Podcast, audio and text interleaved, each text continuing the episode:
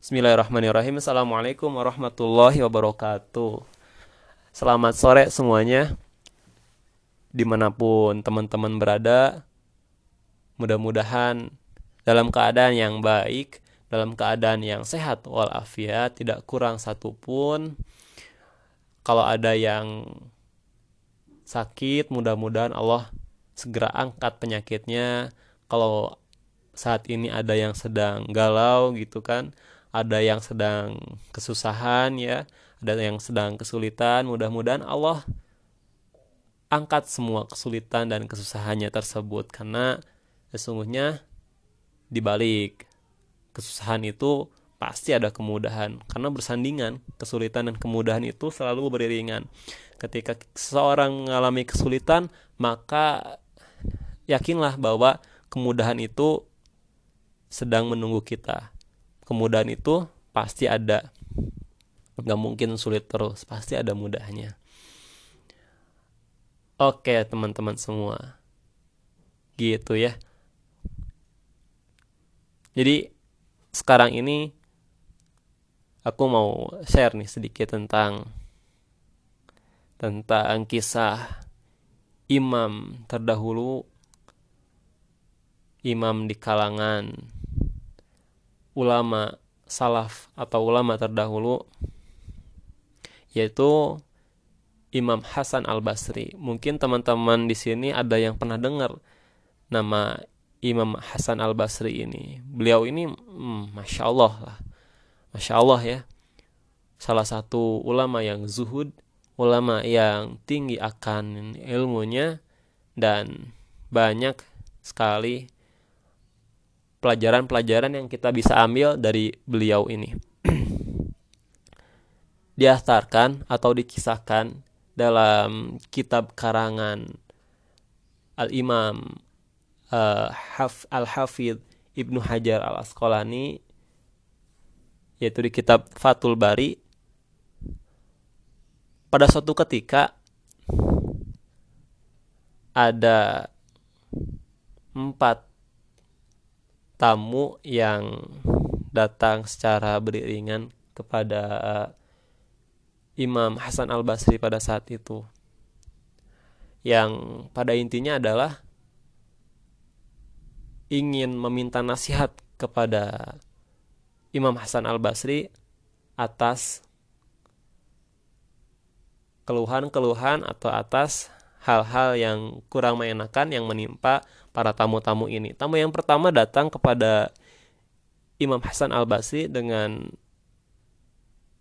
mengeluhkan tentang rizkinya yang sempit. Wahai Imam, kenapa ya akhir-akhir ini kok terasa terasa apa ya? Terasa sulit saya dalam menjalankan perniagaan atau apa pun itu yang menyebabkan kurangnya harta bagi saya. Maka Al-Imam Hasan Al-Basri memberikan nasihat yang Masya Allah.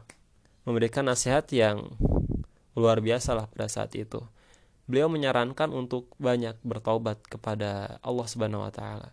Banyaklah meminta ampun kepada Allah Subhanahu wa taala. Maka eh, mudah-mudahan Allah memberikan rizki yang lapang untuk kamu. Maka pulanglah tamu ini, tamu pertama ini dengan membawa nasihat untuk banyak-banyak beristighfar kepada Allah Subhanahu wa taala. Tidak lama kemudian datanglah tamu yang kedua yang mengeluhkan tentang pacaklik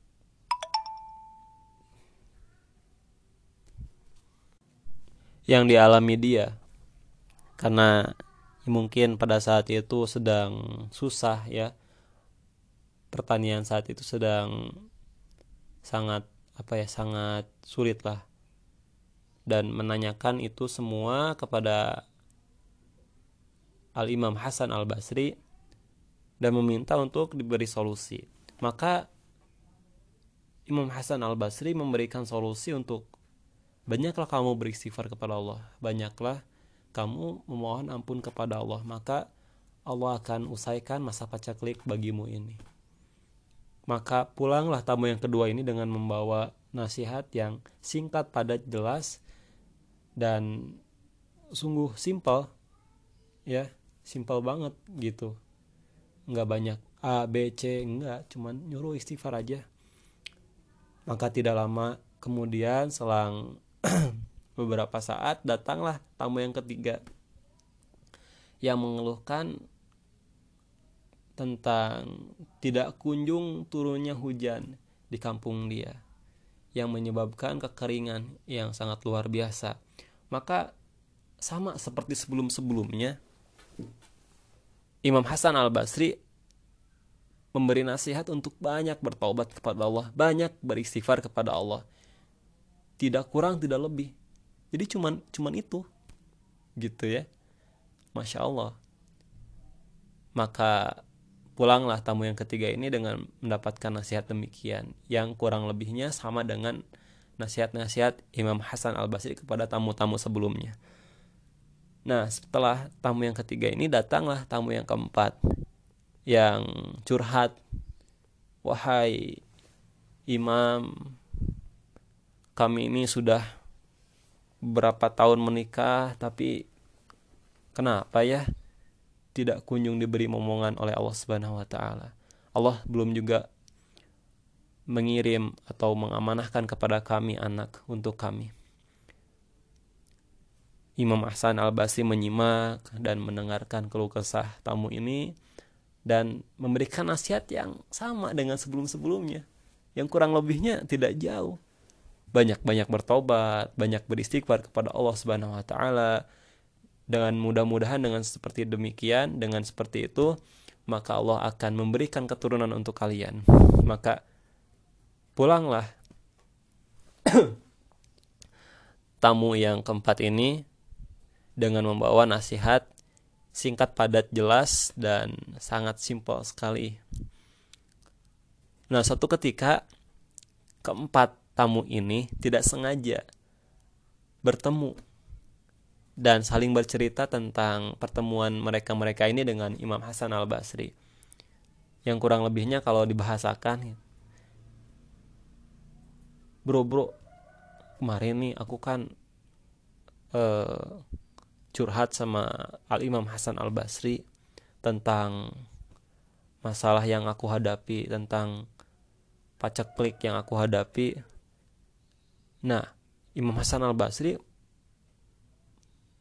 menasihati aku untuk banyak beristighfar kepada Allah. Wahai saudaraku.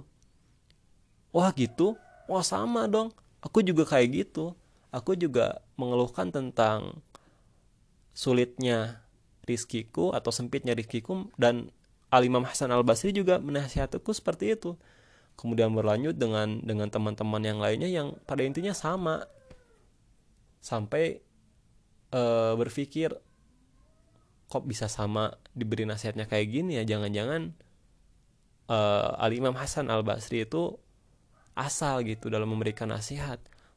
Tidak puas keempat tamu ini dan kembali lagi ke tempat Al Imam Hasan Al Basri dan menanyakan wahai Imam kenapa kami berempat ini diberikan nasihat yang sama satu dengan yang lainnya tanpa beda sedikit pun. Hampir sama semuanya wahai imam. Kenapa demikian? Maka tidak lama tidak banyak eh, panjang lebar Al Imam Hasan Al Basri membacakan sebuah surat di dalam Al-Quran yaitu surat Nuh ayat 10 sampai ayat 10 sampai 12 yang bunyinya Faqultu astaghfiru rabbakum innahu kana ghaffara. Yursilis samaa alaikum midrara ويمددكم بأموال وبنين ويجعل لكم جنات ويجعل لكم أنهارا yang artinya adalah katakanlah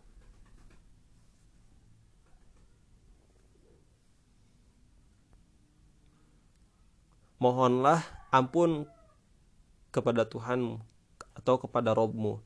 Sesungguhnya dia adalah maha pengampun. Di ayat selanjutnya, niscaya dia akan mengirimkan hujan kepadamu dengan lebat dan membanyakkan harta dan anak-anakmu dan mengadakan untukmu kebun-kebun dan mengadakan pula di dalamnya untukmu sungai-sungai.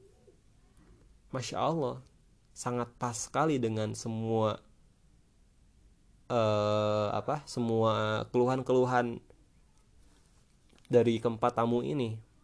Ada yang mengeluhkan masalah hartanya. Maka kata Allah maka kata Allah dia akan membanyakan harta.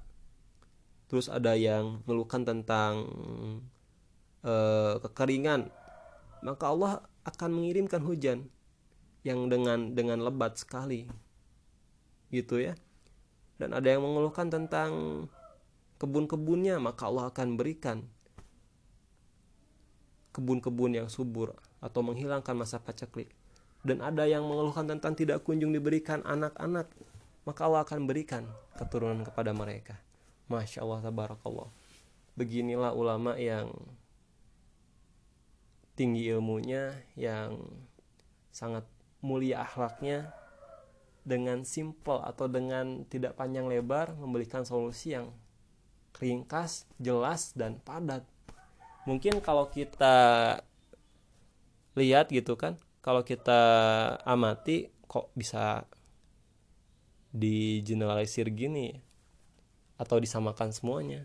Yang memang masalahnya eh, apa? Masalahnya itu tidak jauh dari dari apa yang telah Allah firmankan di dalam Al-Qur'an. Dan solusinya pun ada pada Al-Qur'an. Semuanya ada dalam Al-Qur'an. Maka Hasan Al-Basri atau Imam Hasan Al-Basri yang paling yang yang tahu tentang Al-Qur'an maka dengan mudah memberikan nasihat seperti demikian. Masya Allah tabarakallah memang luar biasa keutamaan istighfar ini teman-teman kalau kita dawamkan ini wah masya Allah. Belum lagi ada firman Allah yang mengatakan atau bukan bukan firman bukan firman ding. Ada hadis dari Rasulullah SAW uh, eh, hadis yang diriwayatkan oleh bentar ya hadis yang diriwayatkan oleh Abu Daud kalau tidak salah.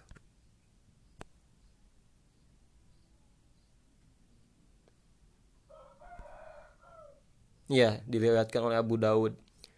Rasulullah SAW bersabda, Barang siapa yang senantiasa beristighfar, maka Allah akan menjadikan baginya setiap kesusahan itu ada jalan keluar dan pada setiap kesempitan ada ada cara mengatasinya serta memberikan rizki kepadanya dari sumber yang tidak disangka-sangka.